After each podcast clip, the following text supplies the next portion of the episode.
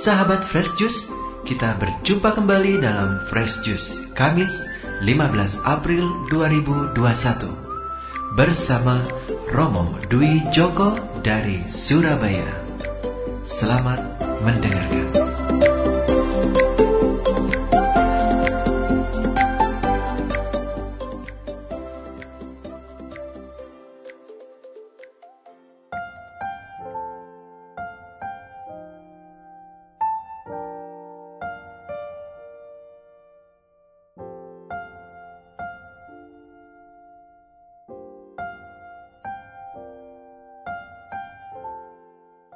Para sahabat Fresus yang terkasih, selamat pagi, selamat berjumpa kembali, salam damai dalam kasih Tuhan.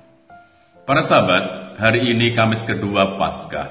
Kita akan bersama-sama mendengarkan bacaan dari Injil Yohanes bab 3 ayat 31 sampai dengan 36. Mari sejenak kita membuka hati untuk mendengarkan sabda Tuhan.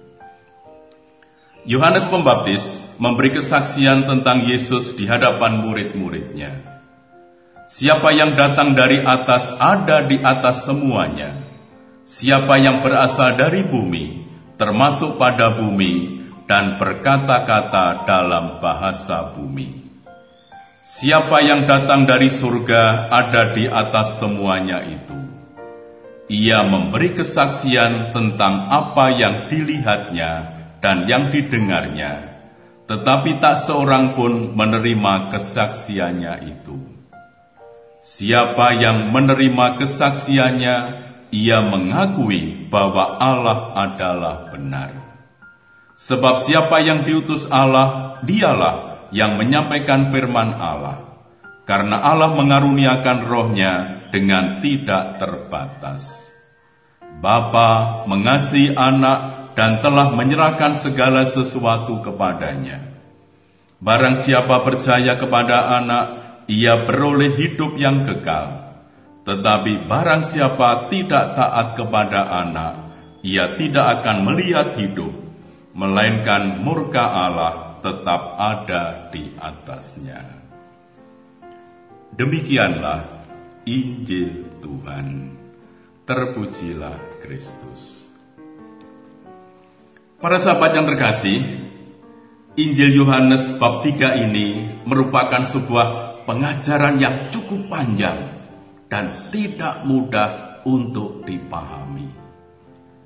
Setelah pengajaran dengan Nikodemus diceritakan dalam ayat 1 sampai dengan 21, perikop yang kita renungkan pagi ini berbicara tentang kesaksian Yohanes Pembaptis akan Yesus.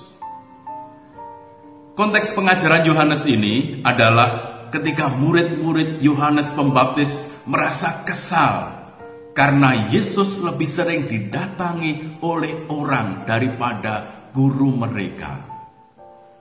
Tetapi yang indah apa? Yohanes Pembaptis, nabi besar itu justru bersuka cita. Sebab kenyataan ini ditatapnya sebagai penggenapan pengharapannya. Yohanes Pembaptis tahu bahwa iri hati seperti yang ada pada diri murid-muridnya yang sering kali juga menggerakkan banyak orang adalah sumber kematian. Maka melalui peristiwa ini, Yohanes mempunyai kesempatan untuk mengajar murid-muridnya tentang kedatangan Sang Mesias. Yohanes percaya bahwa Yesus adalah Mesias yang datang dari Allah. Sebagaimana pada perikop sebelumnya, Yohanes Pembaptis mengungkapkan bahwa Yesus harus makin besar, sementara dirinya harus semakin kecil.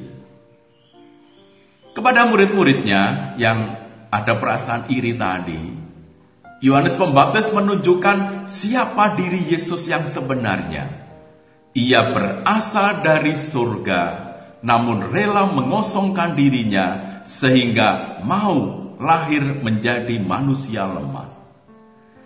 Ia rela belajar bahasa dan budaya manusia.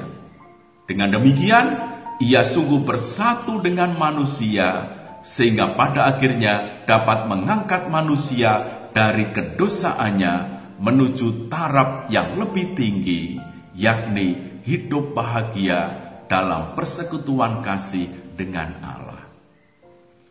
Yesus rela mengosongkan dirinya supaya ia dapat berempati dan mengungkapkan kerinduan hati Bapa yang menghendaki agar dunia serta semua makhluk ciptaannya senantiasa diperbarui, dipulihkan, dan disembuhkan.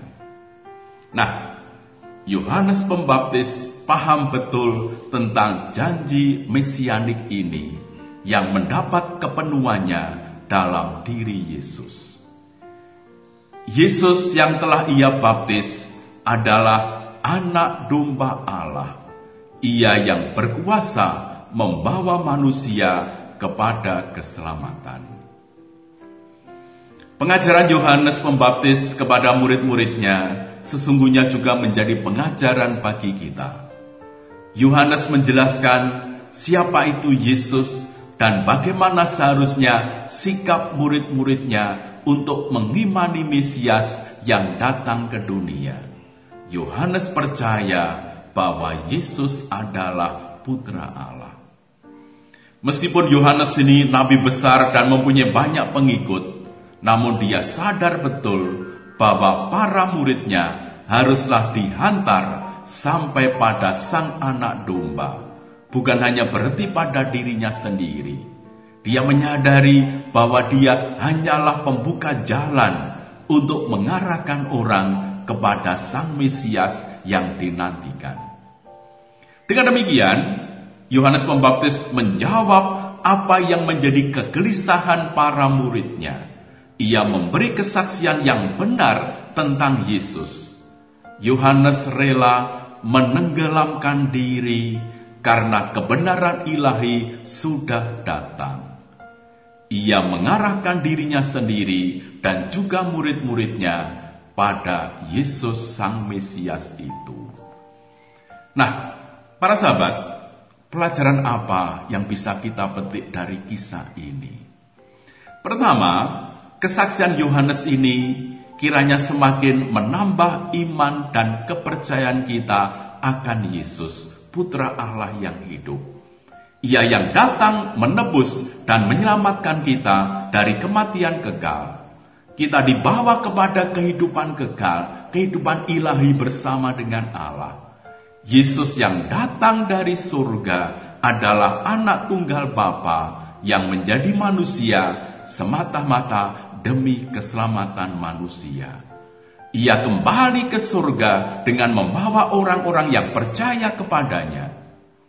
Janji keselamatan diberikan oleh Dia yang berasal dan bersumber dari keselamatan itu sendiri. Kedua, Yohanes menjadi gambaran kehidupan kita yang sering kali ya kita lakukan. Ya. Yohanes memberi kesaksian yang baik tentang orang lain. Ia memperkenalkan orang lain supaya semakin bertumbuh, semakin berkembang. Maka ini merupakan undangan bagi kita agar kita juga senantiasa memberi kesaksian yang menghidupkan tentang orang-orang lain, bukan sebaliknya, kesaksian-kesaksian yang justru merugikan atau bahkan mematikan. Ketiga, undangan untuk rela mengosongkan diri, sebagaimana disaksikan oleh Yohanes terhadap Yesus.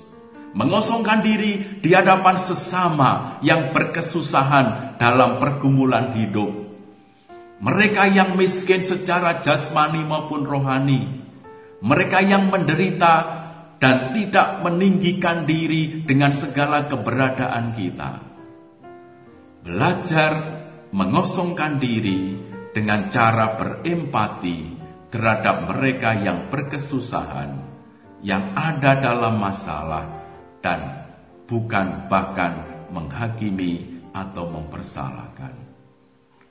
Para sahabat, barangkali masih ada satu hal yang terasa mengganjal. Ada kalimat bagian penutup Tetapi barang siapa tidak taat kepada Allah, ia tidak akan melihat hidup, melainkan murka Allah tetap ada di atasnya. Hah, apakah Allah begitu keras dan otoriter? Masa orang yang tidak percaya dan tidak taat harus dihukum dengan murka Allah? Bukankah mereka ini justru patut dikasihani? Para sahabat, sesungguhnya bukan Allah yang menghukum orang-orang yang tidak mau percaya itu. Mereka sendirilah yang menghukum diri mereka sendiri. Dengan tidak menerima utusan Allah yang menawarkan hidup kekal, mau tidak mau orang kehilangan hidup kekal itu sendiri. Jadi, sikap dan keputusan pribadi manusia yang menentukan apakah ia menerima atau menolak tawaran hidup kekal itu. Hidup kekal memang merupakan sesuatu yang direncanakan Allah bagi semua orang.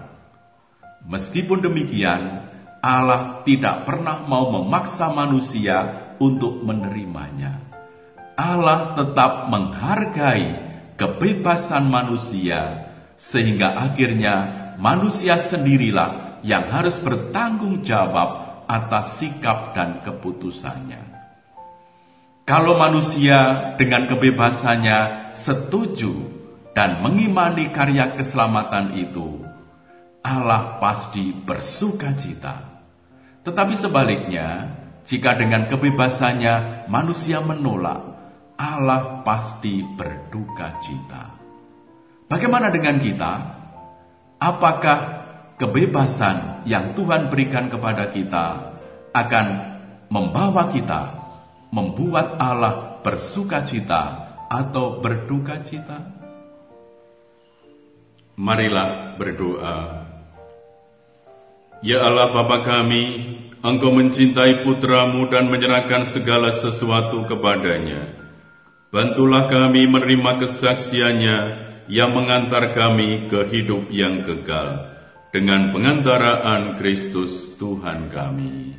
Amin. Tuhan bersamamu dan bersama rohmu. Semoga saudara sekalian dibimbing, dilindungi, dan dikuatkan oleh berkat Allah yang Maha Kuasa, Bapa dan Putra dan Roh Kudus. Amin. Sahabat Fresh Juice, kita baru saja mendengarkan Fresh Juice Kamis 15 April 2021. Terima kasih kepada Romo Dwi Joko untuk renungannya pada hari ini. Sampai berjumpa kembali dalam Fresh Juice edisi selanjutnya. Salam Fresh Juice.